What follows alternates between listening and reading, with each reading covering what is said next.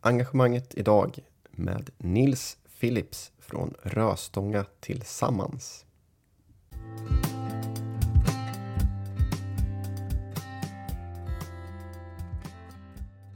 Och där, där tror man ju mycket att det här med innovation är ju något urbant fenomen. Men de mest fantastiska, framförallt sociala innovationerna som sker är ju på landsbygden. Man kollar hur man löser saker i hela detta landet men också i hela Europa. Liksom, och, där, och där man är nödd och tvungen att hitta nya sätt att, ja men ska vi behålla de här sakerna, ska vi jobba med de här frågorna så måste vi hitta nya sätt att göra det på tillsammans. Eller själv, eller hur vi nu gör liksom, med de som vill engagera sig i detta. Välkommen till engagemanget. En podd om människors drivkrafter där jag tillsammans med gäster försöker förstå mer om hur engagemang uppstår, utvecklas och lever vidare. Det här är också en podd om hopp.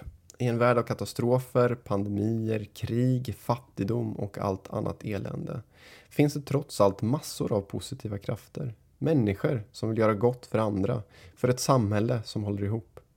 Jag vill att de här samtalen ska ge er tillförsikt till framtiden. Att ni inte är själva i era värv och vilja att skapa en bättre värld för oss alla.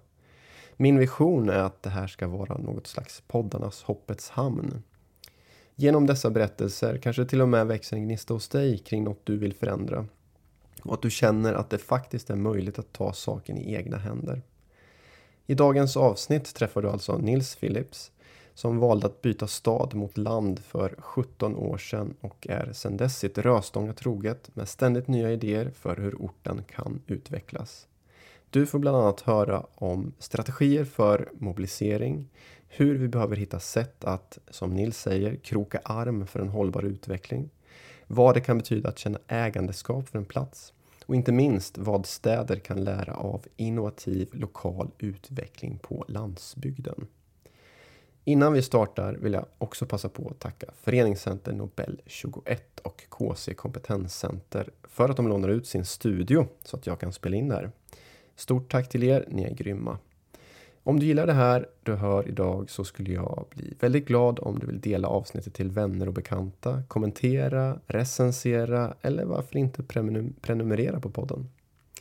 Så, nu till samtalet med Nils. Håll till godo och hoppas att du ska gilla det. Det finns säkert många ingångar man kan ta, tänker jag när jag förberedde det här. Men en ingång som kändes ändå naturlig är ju Röstånga. Mm. Och eh, Röstånga är alltså orten där du bor. Korrekt. Skulle du vilja börja med att eh, säga vad det är för en plats där, Röstånga? Uh, ja, det vill jag gärna göra. Jag vill också säga tack för att jag blivit inbjuden. Jag har ju, eh, det är svårt att tacka nej när du bjuder in både som person och kollega. Men också ett fint sällskap. Jag har ju lyssnat in mig på de andra som har varit här också och som jag känner till. Så att, eh, roligt mm. att eh, vara med och dela mina tankar kring de sakerna. Eh, Röstånga, ja det är ju en... Eh, jag flyttade, är från Malmö från början. Eh, och, eh, och Malmö och Lomma kan man säga egentligen. Jag har gått skola och eh, växt upp i. Och eh, flyttade ut för 17 år sedan ungefär. Eh, när vi då fick vårt andra barn och flyttade ut.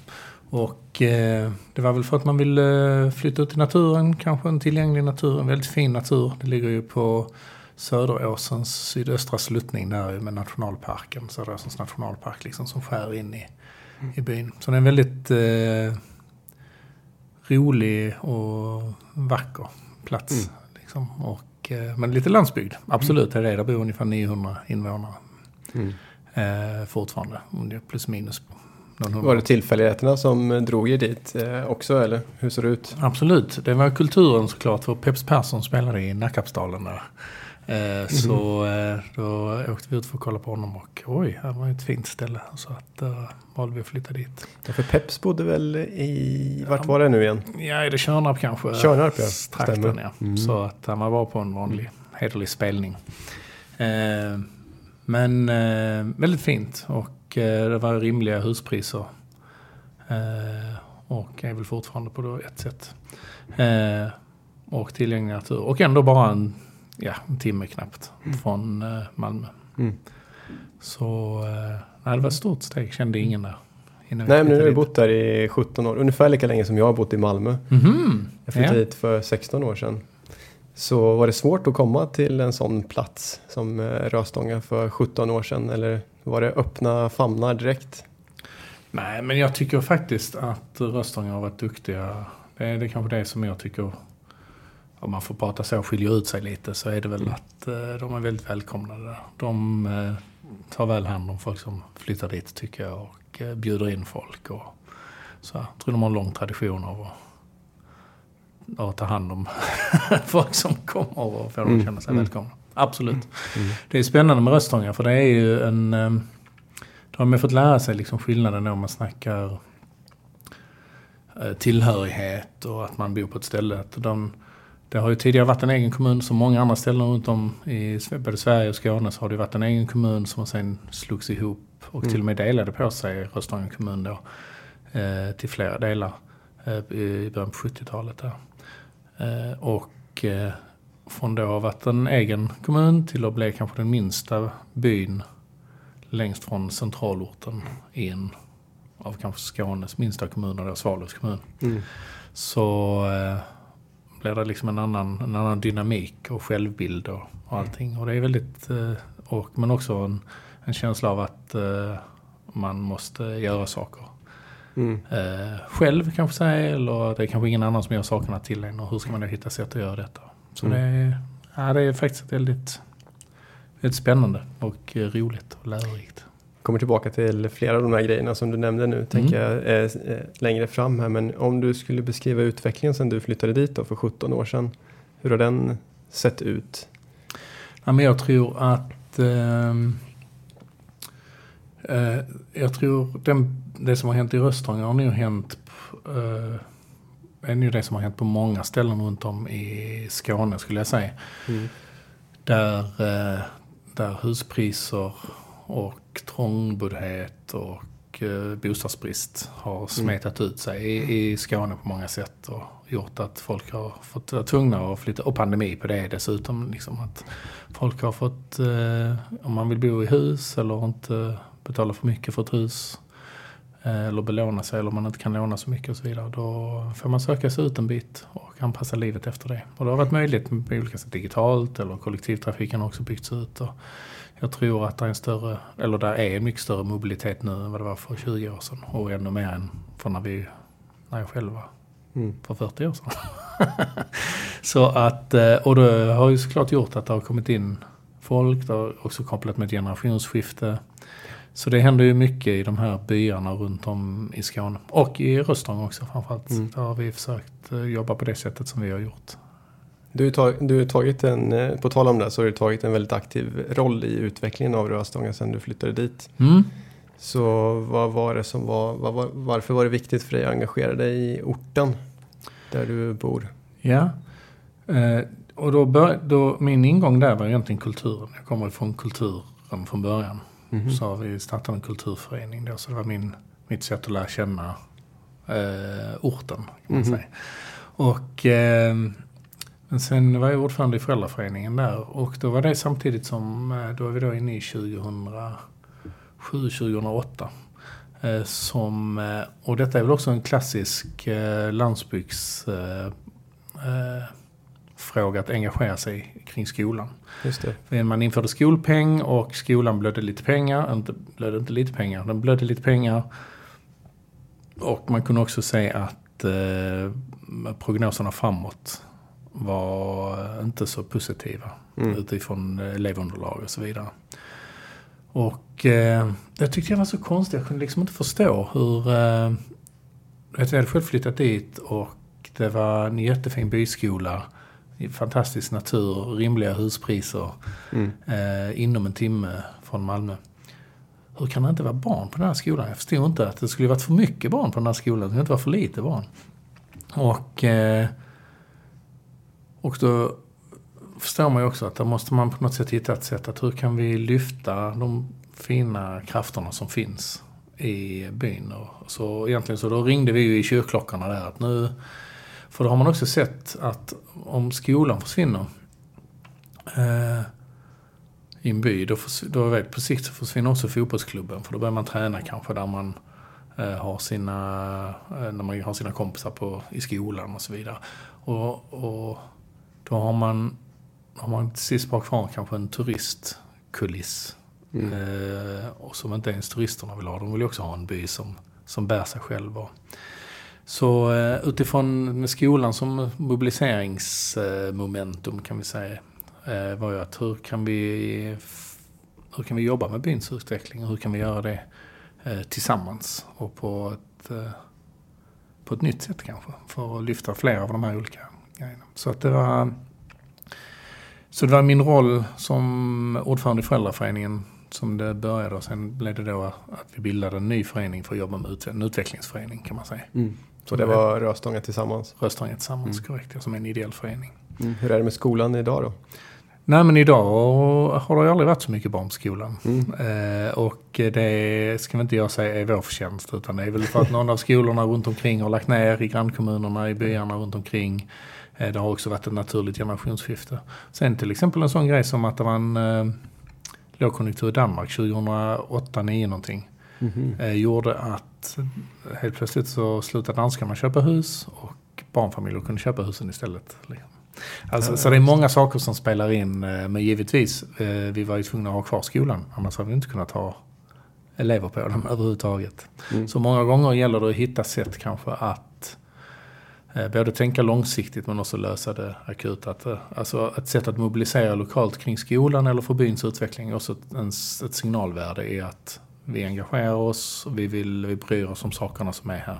Mm. Och då finns det inte heller kanske på en politikers agenda att, att lägga ner skolan utan för då ser man att det är någonting som kan byggas på i fortsättningen. Då talar jag för politiken, det vet inte jag vad de tänkte men eh, så tänker jag. De var säkert tacksamma för att någon annan klev in. Ja, inte helt säkert.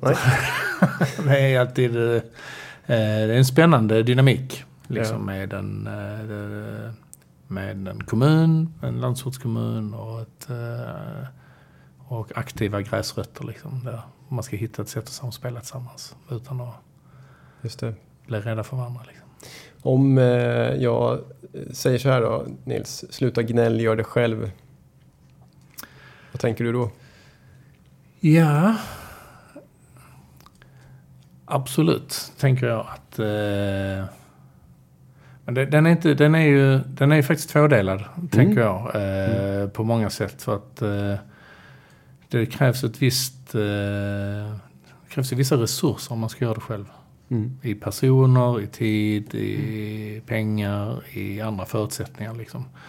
Eh, och eh, jag tänker att man kan inte alltid utgå från att de resurserna finns att mobilisera. Mm. Eh, så man kan inte heller bara lämna över det till byar att, att göra det själv. Mm. Jag tänker eh, nog snarare, vad sa du?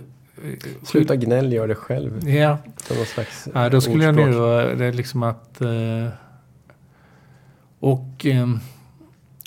ehm, Gnäll och gör det själv. Ja, både, ja, man ska också ha, ha rätten att gnälla och ställa Ja, krav. och, eh, man ska, men framförallt så är det ju så här att det, många gånger är det väldigt svårt tycker jag att veta exakt hur man ska engagera sig. Mm. För att... Eh,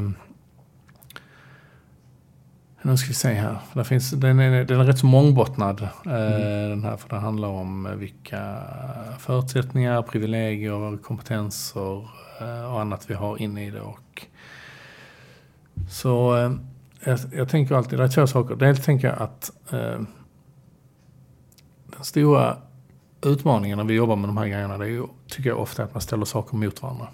Mhm. Som vad då till exempel? Ja, men som i detta fallet eh, ideellt arbete, eh, Mhm. skattefinansierad Mm. eh, offentlig verksamhet. Mm. Eh, eh, lokal demokrati mot centrala representativ demokrati. Och eh, det är väldigt olyckligt tycker jag när man ställer, för vi har liksom inte råd i ett samhälle tänker jag att dela upp att det, här, om det ena är på bekostnad av det andra. Mm. Ett starkt eh, civilsamhälle, om vi säger så i, i det stora perspektivet. Eh, behöver inte vara på bekostnad av en... Det behöver inte, det behöver inte krävas ett svagt, en svag offentlighet för att göra det. Det behöver inte betyda att den, det offentliga har misslyckats om man har ett starkt civilsamhälle. Och tvärtom, alltså att man har ett lågt civilsamhälle eller lågt engagerat civilsamhälle. Att det, är en, eh, beror på en stor offentlighet. Man måste försöka hitta hur kan vi göra detta tillsammans. För båda är ju liksom resurser in i ett samhälle som vi lever i. Och hur kan man hitta sätt att ta tillvara på de här resurserna och jobba tillsammans. Mm. Och eh, det, den, det man kan tänka är att kanske att där min reflektion som har jobbat med utvecklingsfrågor i både stora och små kommuner. Det är ju att där finns en, eh, och då pratar jag inte om Svalöv generellt utan i, i små kommuner. Det är att man är väldigt, eh, där finns en ängslan att eh, ja, alltså där man, för de resurserna man har, man har inte så mycket resurser. Så de resurserna man har vill, använder man till det man måste och det får inte bli fel för det är ett litet samhälle. Liksom. Eh, medan egentligen är det kanske där de resurserna är som tydligast, att man behöver samverka. Ja. Ja, det, det, gäller, det gäller i Malmö också egentligen, eller i, i städer mm. och så. Men mm. här har man ju liksom andra muskler att jobba progressivt kanske med utveckling. Och man kan testa grejer utan att eh, någon tappar ansiktet. Men i en liten, liten kommun så blir det ofta bundet till en person eller förvaltning eller en chef kanske eller en politiker. Mm. Och då är det mer på spel och då är det lättare att säga nej mm. än att testa. Liksom. men det är en spännande dynamik tycker jag. Alltså att eh, vad, vad, du sa ju själv att det var en lång väg till Röstånga till, från centralorten i princip. Mm. Och att det kanske inte finns den politiska närvaron eller eh, från offentliga myndigheter överhuvudtaget kanske. Eh, om man mm. bortser från skola och lite sådana saker. Så det, så, det, så det växer ju fram någonting kanske av nödvändighet. Absolut. Men i det så finns det en kreativitet också som är spännande kan jag tycka. Absolut, och innovativt också ska jag säga. Mm. Att den, och där, där tror man ju mycket att det här med innovation är ju något urbant fenomen. Men de mm. mest fantastiska, framförallt sociala innovationerna mm. som sker är ju på landsbygden. Man mm. kollar hur man löser saker i hela detta landet men också i hela Europa. Liksom, och, där, och där man är nödd och tvungen att hitta yeah. nya sätt att, ja men ska vi behålla de här sakerna, ska vi jobba med de här frågorna? Så måste vi hitta nya sätt att göra det på tillsammans. Ja. Eller själv, eller hur vi nu gör liksom, med de som vill engagera sig i detta.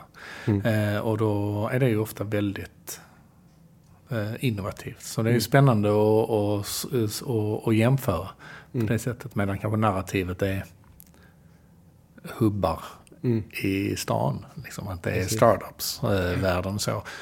Eh, och den är ju också viktig. Och där ska vi inte heller ställa saker mot varandra. Liksom, utan man tänker att ja, båda grejerna behövs. Men eh, eh, det behövs också resurser in i det för att jobba med det. Du, du, kanske inte ser på det på det här samma sätt som jag kommer uttrycka det här nu. Men eh, om man säger så här, jag träffade en, en person från Umeå i ett eh, jobbsammanhang som jag är med i. Och så sa jag att jag jobbar tillsammans med dig. Då kände hon ju till Röstånga. Mm -hmm. För de jobbar med landsbygdsutveckling mm. i Umeå, eller utanför Umeå. Så jag tänker att eh, ni har ju gjort någonting väldigt eh, intressant i Röstånga som har fått ringa på vattnet i, i stora delar av Sverige och kanske Europa också. Mm. Så, och, och, då blir det alltid så här, då kommer man till er och frågar vad som är hemligheten kring det här. Mm. Fin, finns det någon hemlighet eller är du beredd att dela Mycket med dig kaffe. av någonting? Mycket kaffe. Det är det som är hemligheten. Nej, det var ju roligt att höra, tänker mm. jag. Uh, jag tänker... Uh, med, med, med, jag tänker så här att ja, vi har ju jobbat rätt så uh, uthålligt och mm. rätt så hårt, ska jag nu säga, mm. uh, med utveckling i, i vår by. Framförallt, då har det framförallt varit kring den här föreningen då, Röstånga Tillsammans. Ehm, som en utvecklingsplattform. Eh, och vi har ju eh, vi har ju bildat ett eh, utvecklingsbolag till exempel som vi äger tillsammans, många i byn. Vi är då en by på eh, ungefär 900, ungefär 900, 950 personer. Och Eh, och det är många av dem som är med i det här utvecklingsbolaget också. Och vi har liksom investerat i fastigheter tillsammans och så. Eh, och allting är öppet och transparent och för folk vara med. Och det är ju en... Eh, och vi har ju också gjort, gått på några nitar och som vi gärna delar med oss också. Mm. Men jag tror att och det tror jag väl, jag tror inte det är någon hemlighet med det mer än att vi är kanske ett, eh, att vi har hållit i så länge och varit uthålliga och visat lite grit, som man säger på engelska. Liksom, att man mm. tuggar på. Bara tragglat på. Ja, och det, mm. ibland är det tufft, men man, eh, man gör det ändå. Mm. Det som kanske sticker ut är, med det vi har gjort, och det tänker jag är något som vi alla borde bli bättre på eh, generellt, det är ju att vi har varit duktiga på att dela den här historien som vi har mm. gjort. och så att folk känner till det vi gör. Eh, och att vi har använt den här storytellingen som ett, som ett verktyg för att inspirera. Men det som är roligt då med storytelling det är ju också att man inte bara att man inspirerar andra och att folk i Umeå har hört talas om mm. eh, det vi håller på med. Utan också att storytellingen jobbar ju också in i byn och skapar den identiteten vi har och att vi har möjlighet att kanske påverka det i närområdet eh, där vi bor. Mm. Och, eh, och, kan göra det utifrån våra egna förutsättningar och på vårt eget sätt. Mm. Men att man delar den historien. Och där känner jag att jag, jag träffar ju många, många spännande exempel runt om i alla möjliga sammanhang. I stan, på landsbygden, eh, i kvarter. Eh, och de måste vi bli duktiga på att dela och eh, berätta så att de eh, kan göra skillnad till fler. Det är en av de stora. Det har vi, tycker jag vi har varit duktiga på mm. i, i Röstånga. Och ibland nästan lite för duktiga. att, ja, vi behöver många historier, inte bara... Ni, du nämnde ju det här utvecklingsbolaget. Mm -hmm. Och en sak som jag har sett fram emot att prata med dig om speciellt är ju mobilisering. Mm. Som kanske vi kommer in på på lite olika sätt här. Men ni har ju valt då att starta ett utvecklingsbolag. Mm. Eh, vill du berätta mer om det? Mm. Och, och, varför kanske ni valde den vägen? Exakt. Och det är många... Det är som sagt många spår här. Men mm. det kan man säga att den här ideella utvecklingsföreningen då, Röstånga Tillsammans, den, där jobbar vi ju i lite olika projekt och andra aktiviteter. Och eh, det blir en väldigt bra social mobilisering Mm. kring att lyfta olika initiativ och verksamheter och hitta på nya grejer tillsammans, socialt och annat också. Eh, som vi gjorde i föreningen då. När vi då... Eh, och detta här är ju också att vi har ju också blivit inspirerade av andra. Så det här är ju ingen idé som vi har bildat bygdebolag. Det finns en, en, etablerat verktyg inom landsbygdsrörelsen i, i Sverige. Att man går ut och gör saker tillsammans. Och det vi valde att göra då, det var ju att, för vi hade ju den här paradoxen med att vi hade eh, tomma hus, bostadsbrist, brist på avfolkning. Mm. Eh, eller inte brist på avfolkning, avfolkningsproblematiken. Mm. Eh, och eh, är det någonting där vi skulle kunna eh, jobba med då? Och då eh, när vi hade de här olika projekten också eh, som vi drev. Vi drev några landsbygdsprojekt och LIDER-projekt och, och annat. Och då eh, det vi upptäckte då tillsammans med många, vi blev nominerade till årets, detta är sån, vi blev nominerade till årets LIDER-projekt, mm. eh, landsbygdsprojekt 2008 eller 2009. Och träffade andra eh, landsbygds, då fick vi åka till en stor gala i Stockholm.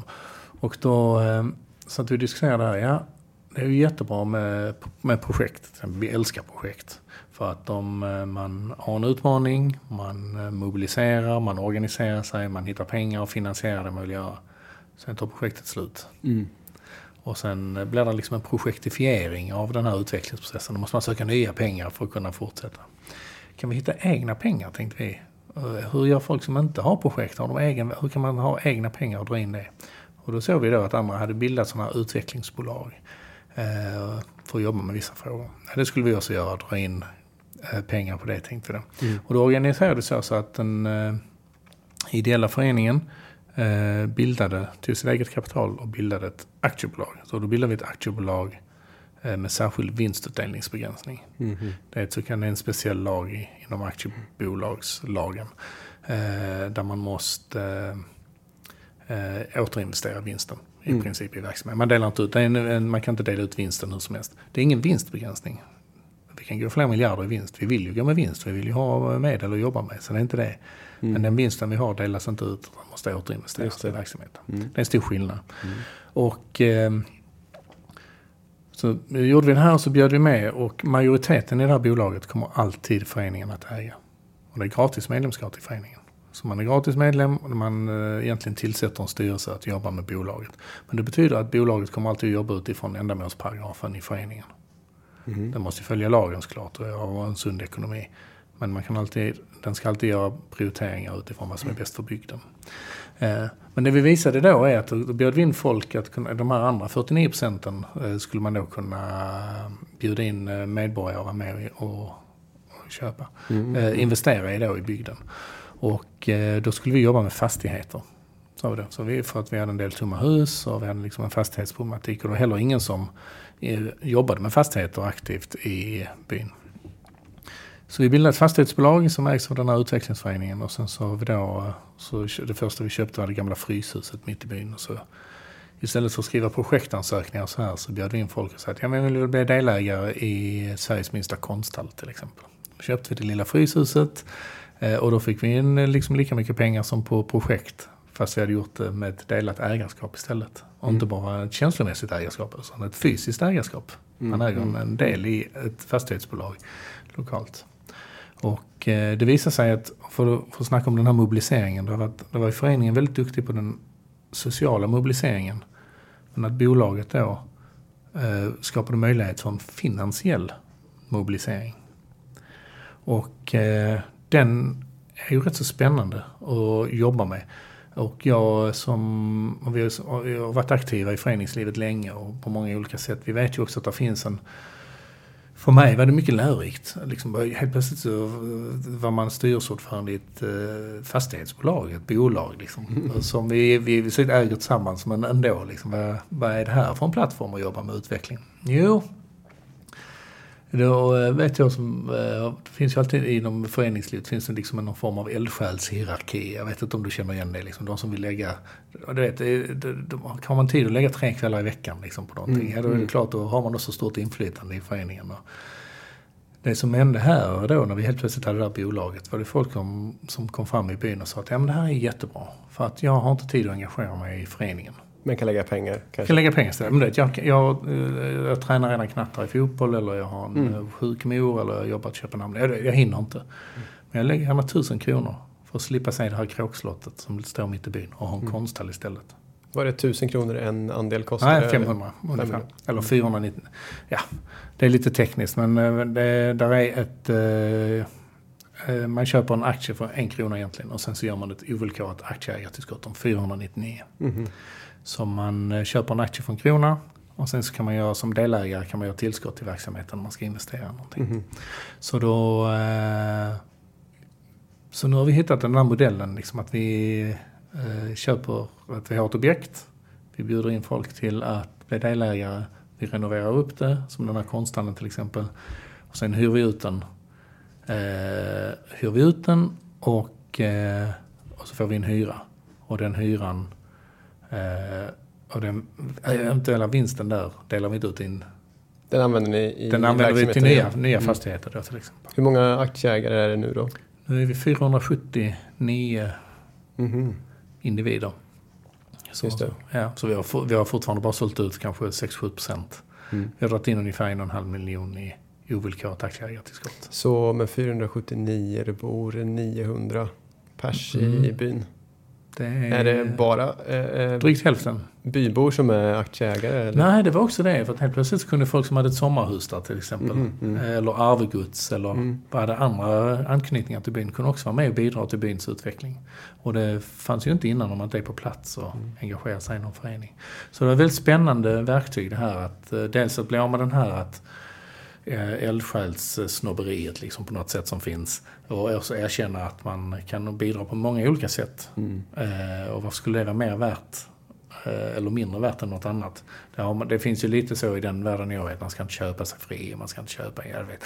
Men eh, det här är ju ett sätt att bidra liksom på ett sätt. Att, mm. eh, så det blev väldigt eh, lyckat. Vi hade liksom både den sociala och finansiella mobiliseringen. Men båda jobbar för samma, för bygdens utveckling. Och allting är transparent och öppet. Va? Och det är ju det är en väldigt tilltalande, ett väldigt tilltalande upplägg.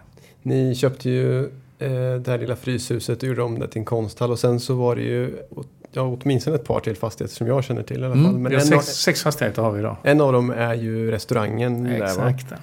Så de två i alla fall är ju mötesplatser också, tänker jag. Mhm, Absolut. Som inte fanns förut innan. Ja. Ja, restaurangen har funnits länge men den stod Okej. tom i nästan två år. Mhm, ja, just Eh, och var ute till salu på marknaden. Mm. Och då... Eh, eh, efter, då det var ungefär samtidigt som vi renoverade konsthallen då. Men då eh, var det bra förhandlingsläge att att köpa den tillsammans. Då var det egentligen då vi blev nästan... Då blev vi över 400. Från att ha varit 40-50 delägare i konsthallen så var det nu nästan 400 personer som eh, blev delägare när vi gjorde restaurangen. Så absolut, mötesplatser är viktigt. Och då kan vi också anpass, anpassa, och det är det som är skillnaden med att ha ett lokalt bygdebolag som jobbar för bygdens bästa. Då kan vi också anpassa hyror på olika sätt efter den verksamheten som är där. Mm. Ett annat perspektiv som eh, jag ville testa dig på här Mhm. är ju, och i förhållande till mobilisering tänker jag, det är ju det här med att ditt favorituttryck som är kroka arm, Mm. kommer det ifrån den här sociala mobiliseringen också? Eller hur skulle du vilja, vad skulle du vilja säga att det betyder egentligen? Nej, men där, eh, och då tänker jag, om vi snackar då... Eh, nej, för är det något som vi behöver bli bättre på i det här... Generellt sett, Generellt i eh, samhället så är det faktiskt att kroka arm. Mellan sektorer, mellan föreningar, mellan för allting. Eh, vi är... Vi är, har inte den traditionen. Och vi har inte så högt i tak kring de här sakerna. Och det är egentligen samverkan, är det på något olika sätt. Att hur gör vi detta? Mm. De här sakerna tillsammans på ett bättre sätt. Eh, jag vet inte, se om jag kommer ihåg det lätt, rätta. Men eh, heter hon Marie Lindberg, hon som är forskaren på, är det Umeå universitet kanske, eller Luleå? Mm, Tekniska, ej. som jobbar med social innovation. Mhm, mm. För ursäkta om jag eh, inte kan detta i, i huvudet. Men när hon pratar om social innovation där, där den största potentialen är, det är liksom inte nya produkter, tjänster och teknik. Mm. Utan den största sociala innovationen framöver, som vi behöver jobba med, det är nya sätt att samverka kring Mhm. samhällsutmaningar.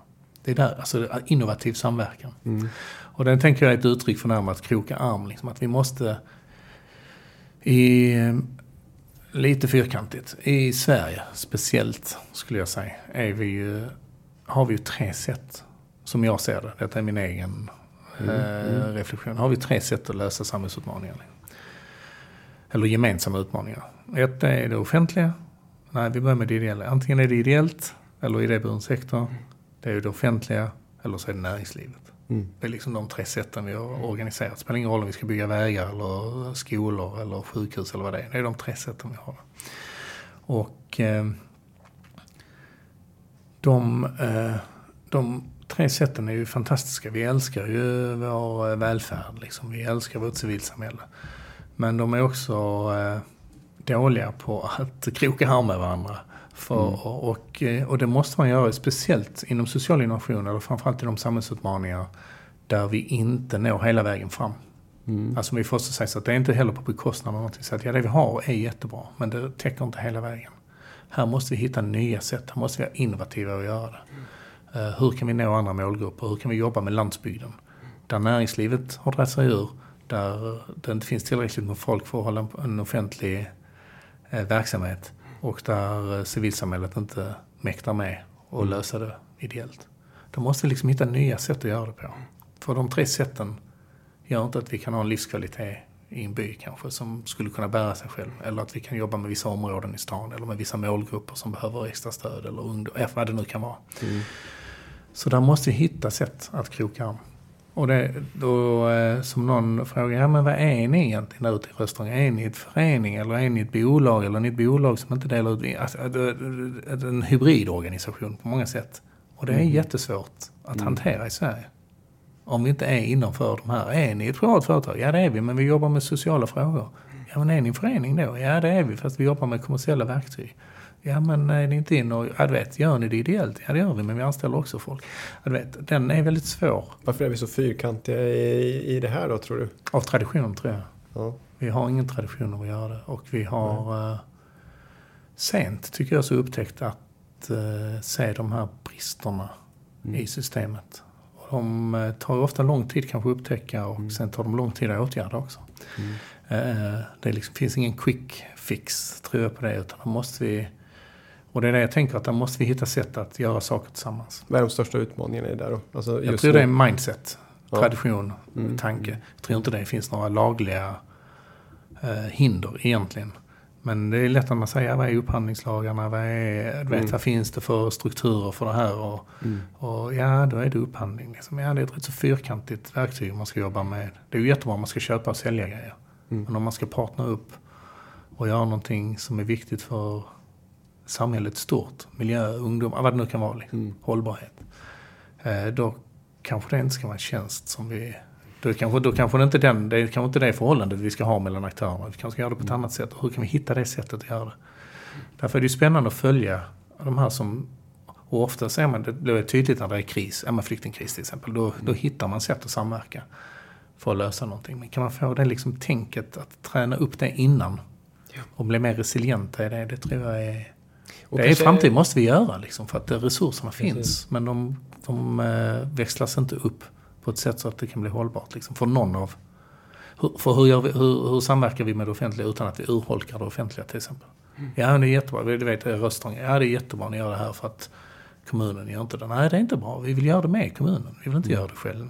Vi vill göra det med, med de resurserna som finns. Vi vill göra det med näringslivet. Eh, och därför, då gillar jag inte att man ställer de här sakerna mot varandra. För det är inte det det handlar om. Utan det handlar om att vi vill göra det tillsammans. Mm. För det måste bli hållbart för oss.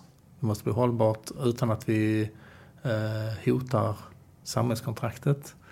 Eh, ja, det blir mångbottnat här nu. Men du, jag tror du hänger med i, i, i utmaningarna i det. Det är inte bara att göra saker tillsammans. Det ska också göras på ett sätt så att det blir eh, så att det blir hållbart och likvärdigt och jämlikt. Liksom. Mm. Och transparent och öppet. Ja. Ja, det är ju det är inte lätt, men vi måste ju öva. Det är det. Det finns ju så här, så ganska mycket storstadsfokus i Sverige. Mm. Att lösningarna hittar man i storstäderna. Men det vi är inne på lite grann nu är ju att man kanske skulle tjäna på att byta perspektiv. Vända på det ibland. Mm. För att det du pratar om nu kanske man kommer ännu närmare när man är på landsbygden. Det är svårare att gå förbi en soptunna som är vält på, på landet och känna att man själv inte behöver plocka upp skräpet än om jag cyklar på vägen hem här genom Malmö och ser att det ligger massa skräp längs vägen. Ja, och där är ju den... eh, Man snackar om det aktiva medborgarskapet till exempel. Mm. Att var, eh, var går gränsen på det och hur ska man bidra? Hur bidrar man till samhället utan att och samtidigt inte urholka samhällskontraktet? Men jag betalar ju skatt ju för att någon ska städa här till exempel. Men det blir en fråga som Ja. är väldigt djup som handlar om vad samhällskontraktet är. Exakt, nu ja, men det och hur vi förstår det. Absolut ja. Mm. Och då tänker jag att ja, där är ju att vi har på något sätt då liksom reducerats till eh, kunder. Ja. i, istället för medborgare. Att, ja, vi köper en tjänst. Vi köper och betalar skatt och vi ska få en tjänst i sjukvård, dagis, skräpplockning och vad det nu är. Liksom. Um, ja, det är ju en typ av eh, samhälle. Men eh, vill vi ha kanske att folk känner ett ägarskap och inte slänger jag ska inte slänga skräp här, detta är min stad. Här går jag varje dag, mina barn går här, eller mina grannar går här, eller mina gäster, går- vad det nu än är. Eh, och då, därför ska skräpet aldrig hamna där direkt. Hur skapar man den känslan av ägarskap? Liksom? Och Mm. att det är, inte är i motsats till ett samhällskontrakt, utan tvärtom stärker det då. Och där är ju många, men det finns ju, det vet jag, varit runt i många kommuner i Sverige. Då det heter kundtjänst när man kommer liksom till receptionen på Stadshuset. Liksom. Mm. Välkommen till kundtjänst. Men vad är det? Vad är det? Det är inte ens medborgarservice eller medborgartjänst utan det står till och med kundtjänst. Liksom. Man Mm. bara, ja. Okej, det är där vi har hamnat. Inte i alla, men jag tror mycket att tänket eh, och det har vi med oss. Och jag har jag också. Det är inte att jag är fri från det. heller. någon, utan vi, vi, vi eh, är ju liksom har det med oss in i... Och det blir ju liksom också problemet med... Ja men säg till exempel om det är hemlöshet här i, i, i stan till exempel. Eller vad det nu än är. Uh, hur hjälper jag, hur engagerar jag mig i det utan att urholka det systemet vi har? Mm. Ger dem mat, ger dem pengar, tar dem till eh, Stadsmissionen eller ett härbärge. Det är en fin balansgång i, i och vad händer då med de som har ansvar för hemlöshet? Ja, då då har inte de det ansvaret då, men det är någon annan som går in och tar. Så det här med mm. samhällsentreprenörskap och att man gör saker själv, det är tvåeggat, eller tveeggat. Mm. Mm. Utan för att där måste vi hitta sätt att säga att det är inte för att någon annan inte gör det, utan för att vi engagerar oss i vårt, vår närmiljö. Ja. Och vi vill hitta sätt att göra det på på ett hållbart sätt. Är det lättare att få den känslan av ägandeskap tror du då i, på landsbygden än i, i stan? Ja men där tror jag att eh, det blir mycket tydligare mm. i en liten eh, mm. ort där, kan man säga. För att där eh, kan man så tydligt se effekterna av det man gör. Just det. Eh, I stan är det mer sammanflätat. Eh, det är svårt att se eh, orsakssamband mm. på det sättet. Och det är också svårt att kanske mäta sin egen insats eller en insats av en förening. Eller så här. Där blir det ju väldigt mycket, mycket tydligare för det är en mycket mindre skala. Och det är mm. kanske mer isolerat också i förhållande till vad det är för butiker och andra mm eh, organisationer och verksamheter igång. Men samtidigt Nils, jag vet du har pratat om hur stad och land också kan ha likheter där. Mm. För, att, för att min ingång till det är ju att vi alla som bor i en stad bor ju lokalt. Exakt. Och vi spenderar väldigt mycket tid eh, lokalt också. Våra barn går på skola lokalt oftast innan de kanske börjar på gymnasium och sådär i alla fall. Vi kanske handlar i en närbutik, vi har en fotbollsträning som vi ska gå till som är lokalt och så vidare. Mm. Så vilka likheter finns det mellan stad och land på det sättet tror du? Jag tror väldigt många. Jag pratar egentligen sällan om landsbygdsutveckling. Mm. Jag snackar alltid lokalutveckling. Okay. På landsbygden. Mm. Lokal utveckling. Mm. För all utveckling är lokal mm. på något sätt. Och då eh, är det ju mer att förutsättningarna är olika. I antal människor, vad det är för, ja, alla, alla möjliga olika förutsättningar på landsbygden och i stan. Men det är alltid lokalt. Man har sina egna förutsättningar, man har sina egna resurser, behov, utmaningar. Mm. Eh, så det är absolut olika. Men samtidigt så tror jag att det är på många sätt samma mekanismer. Mm. Det är samma verktyg man kan jobba med. Hur skapar man en tillhörighet? Hur skapar man en, eh, hur bjuder man in? Eh, hur känner man ett ägarskap? Eh, hur känner man att man kan vara med och påverka sin närmiljö? Det är ju, eh, de frågorna är ju jätteuniversella.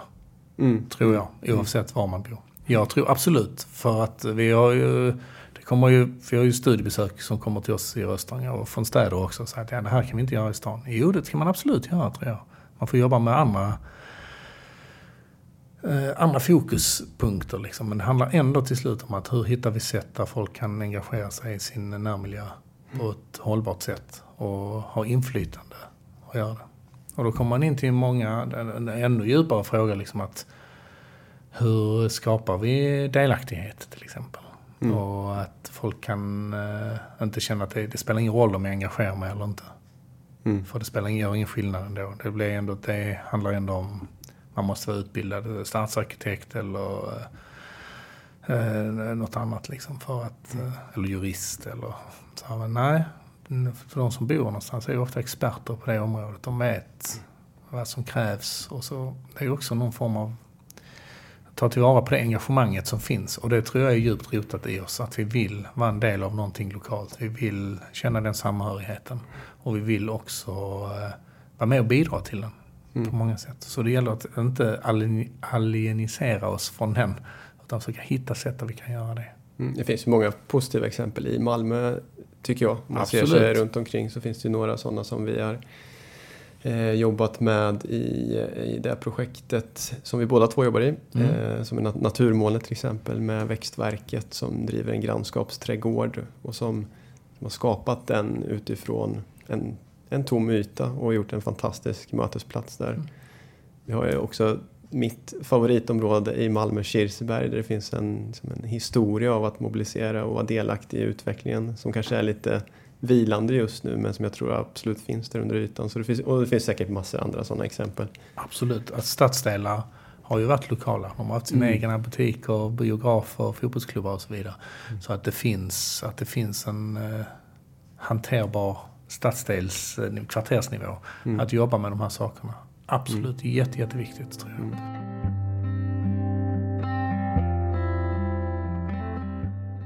vill komma till det här med eran strategi som ni har eh, byggt upp Mhm. i Röstånga. Mm. Och den eh, tänker jag är, den kan man använda sig av vart, vart man än är för att eh, mobilisera. Mm.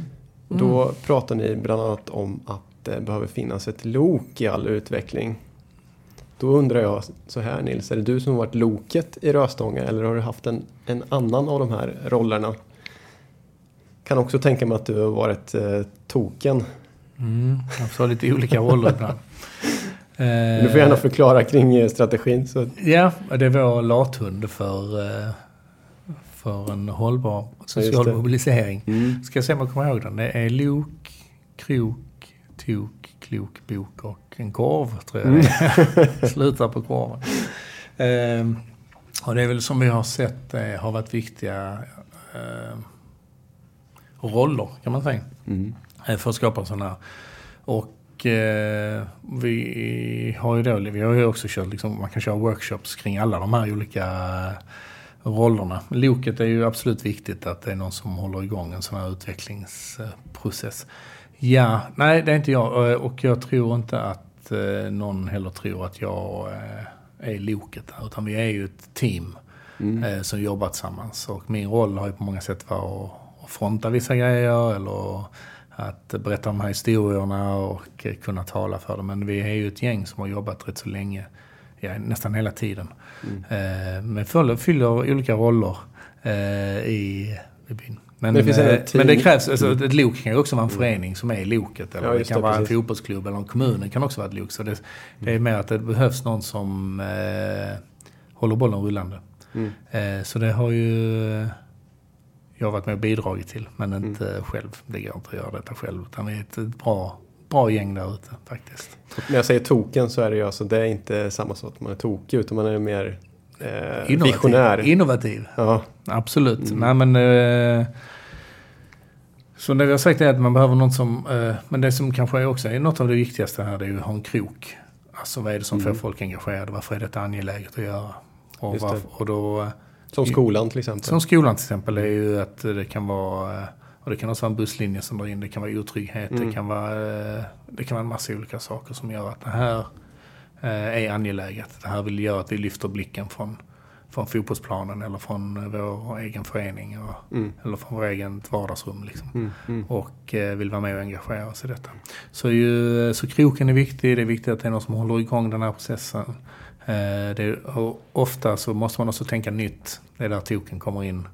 Att man kan tänka nytt kring eh, att lösa saker eller samverka eller vad det nu kan vara. Mm. Mm. Och sen det här med kloken, det är ju att beroende lite på vad man ska göra så måste man ha den kompetensen in. Ska man jobba med fastigheter till exempel eller eh, bolag eller eh, solceller, solceller Mm. eller vad det nu kan Mm. vara så måste man ha Mm. den kompetensen in för att skapa en trovärdig process. Mm. Mm.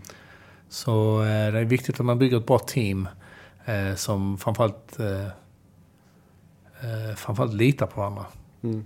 Och det är ju också någonting man kan bygga upp. Det är väldigt sällan allt det finns på plats. Utan man får liksom tänka långsiktigt. Att hur kan vi eh, lära känna varandra? Hur kan vi bygga tilliten mellan oss? Och hur kan det då användas på ett sätt så att vi får en hållbar samhällsutveckling? Liksom, Det finns en avvägning i det också Nils. Mm. Som jag funderar på just det här med. Det är skitviktigt att det finns ett eh, lok som kan dra. Ibland så känns det som att loket blir för starkt. Mm. På bekostnad av att andra kan kliva in. Hänger du med på vad jag menar då? Absolut. Så hur... Eh, här har ni ändå lyckats i Röstånga på något sätt att mobilisera väldigt många med tanke på hur många till exempel delägare det är i, Mm. i bolaget. Nej, men det det är ju klart att eh, de som finns där och engagerar sig. Det blir ju liksom, det blir ju... Visst, ett lok kan ju köra på för fort eller Mm. köra ifrån eller eh, köra slut på bränslet för den delen. Mm. Liksom att man måste hitta ett sätt så att, eh, så att det blir en bra, bra balans. Nej, jag har inget eh, bra svar. Men är det för... Är, man säger att Eh, Jag hörde någon som sa det, att, för någon som frågar hur snabbt kan utvecklingen gå, så detta nu citerar jag någon annan som jag inte minns, men det var ju liksom att man kan bara, man kan liksom bara, man kan bara röra sig så fort som tilliten växer, Mm. eller tilliten byggs.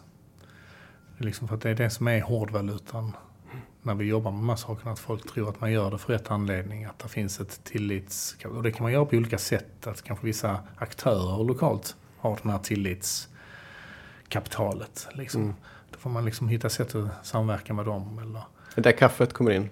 Kaffet kommer in, man eh, sitter och snackar, med, och, snackar och man eh, samtalar, att man enas och säger att vi gör detta. Men också att man får öva det. Mm. För att det är väldigt, mm. man kan ju sitta runt ett bord och säga att ja, ni kan lita på oss eller vi gör detta för rätt anledningar. Men det är ju inte förrän i själva skapandet mm. som eh, tilliten byggs. Och när den då byggs så kan man bygga vidare på den. Säg något om korven också då, så vi inte ja, bara lämnar är ju att man ska försöka ha roligt under tiden. Ja. man ska grilla korv och bjuda in, inte bara tänka på nedläggningar och utmaningar, samhällselände liksom, utan man måste också se till att vi är människor som gillar att ha kul tillsammans. Vi mm. Eh, mm. bjuder in alla och gör det välkomnande och mm. äter gott. Kött och vegetariskt då antar jag? Exakt, så att eh, alla kan vara med. Så det måste vara för allihopa. Så det är viktigt om man bjuder in till det såklart. Ja. Ska vi säga någonting om, jo men det tror jag vi ska göra ändå för att eh, vi pratar ju om likheterna mellan stad och land. Om vi kommer in till, eh, du jobbar ju, du har ett jobb också. Mm -hmm. Ett professionellt jobb som projektledare då för Malmö Tillsammans. Vad känner du att du bär med dig in i det projektet från, från Röstånge? Då tänker jag att... Eh...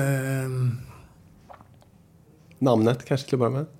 Namnet Röstånge till exempel, det var inte mitt förslag. Men jag hörde det var på omvägar. Eh... Nej men jag tänker... Eh... Jag tar med mig in att man... Att det är okej okay att vara otrygg i ovissheten. Liksom. Mm -hmm. Den är vi också dåliga på i Sverige, liksom, tycker jag. För att vi vill gärna, vi, vi vill gärna ha svaren innan vi börjar. Liksom. Det ska gärna vara, du vet, vi vill innan, vi vill veta att det ska gå bra om vi ska engagera oss i det. För att annars blir det liksom obehagligt. Så vi är väldigt dåliga på att ge oss in i processer som vi inte vet var de landar. Och den eh, har vi ju gjort mycket. Den har vi ju tränat upp där ute och någon gång går det ju också åt pipan. Liksom. Men mm. det är okej okay, för vi vet att mm. det är en del av resan. Mm. Och vi brukar ju säga att det blev inte fel, det blev bara inte rätt på det sättet som vi trodde från början. Liksom. Eh, så att den är, så gå in i de här öppna processerna utan att ha svaren innan. Det är, tycker jag man ska vara, liksom vara trygg vara, vara trygg i det ändå. Man behöver inte ta dåliga beslut, det är inte mm. det det handlar om. Men man måste liksom ändå säga att vissa saker måste man vara lite rädd för att ge sig in i. För annars är de kanske inte heller riktigt angelägna. Liksom. Och man måste mm. testa och hitta svaren tillsammans. Och det är att kanske tänka långsiktigt. Det finns inga snabba lösningar utan det här är saker som man måste bygga upp eh, efterhand. Mm. Och, eh, och att det är viktigt. Att det kanske det var det roligaste för mig i alla fall som jobbar i offentlig sektor då, i, i Malmö stad att vi har testat grejer. Absolut. För annars är det där du, du säger nu ännu vanligare i en kommun. Mm. Att planera sig fram. Det är det som är, har varit metoden under väldigt många år. Vi planerar oss fram, sen gör vi. Vi, ja, vi, vi testar veta. inte under tiden, vi testar sen när vi har planerat klart. Mm. Men här har vi gjort lite tvärtom på många sätt. Absolut, mm. ja. Och det finns... Eh, det, det tror jag också är någonting som vi måste lära oss och bli mm. bättre på. Mm. Mm. Men du var inne på det här med inställning till att göra fel också. Det är ju spännande i, i all utveckling, tänker jag. Mm. Att man ser på det som ett, kanske inte en, ett bakslag utan bara ett steg på vägen. Ja. Eller hur, hur ska man tänka kring motgångar? Hur tänker du själv? Nej, men det är ju omöjligt att undvika. Nej, vi lever ju inte i ett uh, laboratorium. Liksom. Även om vi vill det. Och vi på många sätt också förhåller oss, försöker hålla oss vetenskapligt till uh, det vi gör. Liksom. Mm. Och uh, det är ju inte på något sätt att ursäkta dåliga beslut. Utan för det, det är många, ja men det, det, måste ändå finnas någon, ja det är klart det måste finnas, men den kompetensen har vi. och, men det handlar ju om att kanske flytta gränser där vi behöver göra det. och och ha mod till att göra det och säga att det är okej, okay, vi vet inte om detta blir bra, vi gör det ändå. För mm. att vi måste göra det om vi ska lösa det här. Och vi måste också göra fel längs vägen. Och eh, där är man ju kanske till och med duktigare inom ja, men inom vetenskapen. Alltså ett labb handlar ju på många sätt om att bara göra fel. För till sist, ja men du vet, man testar, testar, testar i ett labb. Oh, här är någonting som funkar. Liksom. Något eh, kiselkorn som hamnar rätt. Okej, okay, men då bygger vi vidare på det. Eh, testa, testa, testa. Men då kallar man det för testa, man säger inte misslyckas. Vet, vi misslyckas, misslyckas, misslyckas. Vi ska mm. utveckla någonting här i något labb i någon företagspark utanför något universitet. Liksom. Miljarder pengar till att testa grejer inom sjukvård och teknik och rubbet. Liksom. Misslyckas, misslyckas, misslyckas. Där hittar vi något som funkar. Mm. Okej, då plockar vi ut det. Hur jobbar vi vidare med det? Och sen så jobbar man vidare med det. Mm. Så där har vi inga problem att acceptera lite snedsteg för mm. att hamna rätt. Men den toleransen har vi inte riktigt när det gäller de här sociala frågorna. Där vill vi gärna ha svar innan och finansieringen. Hur ska vi räkna hem det här liksom? Med en, en, en ungdom som inte väljer att engagera sig i ett gäng. Liksom. Eller någon som inte blir återfallsförbrytare. Eller någon som inte väljer att ta sprutan. Eller någon som är en bra förebild för mm. sina barn. Eller någon som har, ja, du vet. Och det är, och det är liksom en dubbel bevisbörda på något sätt. Många gånger vi som är, jobbar inom föreningslivet att dels måste vi både göra det bättre och räkna hem det och Ja, vissa och, kop kopplingar till de värdena kanske. Ja, absolut. För den tanke jag fick när du pratade Nils är ju att nej, men vi vet inte att det vi gör kring till exempel testa medborgarbudget i Malmö att det kommer bli perfekt när vi gör det. Det vet vi att det inte kommer bli perfekt. Det är mm. därför vi testar det. Men en sak som vi vet från början är ju att delaktighet och känsla av ägandeskap är viktigt. Yeah. Och det i sig kan föra med sig goda värden för individen själv och för samhället i stort. Absolut. Och kan man få den känslan, den skörd av samhällsekonomiskt eller samhällsmässigt så kan vi inte, kanske vi inte skörda en sån känsla hos någon som har varit med på fem, tio år. Mm. I bästa fall. Liksom. Mm. Men svårt att sätta pengar på kanske då? Omöjligt, ja. ja. Omöjligt, ja. Och det är det som gör det väldigt komplext att jobba med de här frågorna liksom, som du och jag engagerar oss i liksom, mm. kring då, ägarskap. Mm. Att folk inte slänger fimpar på gatan. Vad, mm. vad är det liksom? Ja, det är rätt så mycket egentligen. Ja, om man förstår att gatan är min. Ja. För det är den ju. Ja, eller vår. Mm. mm. Den är till och med vår. Liksom. Så att det är skitsvårt. Men att mm. investera sig, det är ju inget snack om. Alltså att även samhällsekonomiskt. Vi, bara, vi har inte de verktygen att, att berätta det. Mm. Tyvärr. På tal om eh, mobilisering så har ju du också varit eh, engagerad i Roskildefestivalen i många år. Mm. Nu vet inte jag riktigt bakgrunden till det, men jag, jag ser ju i alla fall en, en, en parallell till både Röstånga och det vi gör, försöker åstadkomma i Malmö nu. Mm. Eh. Roskildefestivalen är ju ett jättespännande exempel. Det är också en ideell mm. förening. Mm. De är ju, kan jag inte de exakta siffrorna, men säg att de är 100-110 000 personer då som lever tillsammans på campingen och, mm. och gör festivalen eh, under tio dagar kanske, vad nu blir, två veckor. Och, eh, och ungefär en fjärdedel tror jag är frivilliga på festivalen och medskapare av festivalen mm. på olika, med olika roller. Då. Jag har de senaste 15 åren varit ansvarig för skräpplockningen framför mm. stora orangea scenen. På Tuffaste jobbet som det finns? Är det bästa jobbet? Mm. Är, är det tufft? Ja, det vet jag inte. Men det är en stor scen. Det är en stor grupp. Vi är 60 frivilliga som jobbar med vår kulturförening. Då. Och, eh, och men jag använder, fortsätter använda liksom skräpplockningen som, eh, som metafor. Mm. Så eh, om man då är medskapare eller med arrangör eller känner att man är del och skapar den här festivalen på något sätt. Har vi då sett att eh, vårt gäng, när vi, när vi plockar skräp till exempel då, eh, så har vi då frivilliga som går och plockar skräp och sen när de hänger av sig västen och är fria och går på festival så slänger inte de skräp någon annanstans. Eller hur? För då vet de att det kanske är någon annan frivillig som plockar där eller att vi, det här ska inte vara en skräpig festival. Utan det här är en del som, som vi är med och skapar. Mm. Så tvärtom ser man ju att de frivilliga som vi har, när de inte jobbar så gör de nästan att plocka skräp ändå eller tömmer soppåsar. Mm. För att de känner sånt ägarskap mm. för eh, ja, det lilla festivalsamhället mm. som vi har just där. Så det är... Eh, skräpplockningen är en rolig metafor, inte en rolig, det är en bra metafor. Mm. För, för det här ägarskapet. Och hur det kan göra skillnad på så många olika ställen. För det betyder också att Eh, om någon går vilse till exempel, om det är någon som behöver hjälp eller någon som har tappat någonting så känner man också det ägarskapet går igen, inte bara i skräpet utan i, i allting som behövs lösas på en festival. Det är underbart eh, och en jätterolig festival. De är Mm. duktiga på att jobba med, eh, med sina frivilliga, hur de väljer att lägga upp det och så. Va? Så att väldigt, väldigt eh, Får ni se de största artisterna medan ni plocka plockar skräp. också? Exakt, Mm. det är det bästa jobbet. Vilken är den bästa ni har sett? Du sett? Oh! Ah, men jag säger Prince. Ändå. Eftersom eh, det var en fantastisk eh, söndagkväll tror jag det var till och med. Avsluta festivalen. Jag kommer inte ihåg vilket år det var. Mm. Men det var ju verkligen, verkligen fint. Det här, allting det här gör ju du på din eh, lediga tid. Alltid Röstånga gör jag det, ja. Absolut. Och, eh, Roskilde och Absolut, säkert ett antal andra saker. Mm. Är det, har du helt ledigt någon gång då? Eh, absolut har jag det. Det har jag inga problem med. När du bygger trumset och spelar i band och... ja, sådana saker. med kulturföreningen också. Mm. Nej, jag gillar att göra, det är mitt sätt att koppla Mm. av också. Mm. jag. jag gillar att vara igång och för mig är det av, mer avkopplande och göra saker tillsammans och arrangera en konsert tillsammans Mm. med mina vänner. Än att, men jag har inga problem med att läsa en bok eller, eller lyssna på en podd för den delen. Mhm. Eh, så att, nej jag har inga problem. Man ska inte överdriva.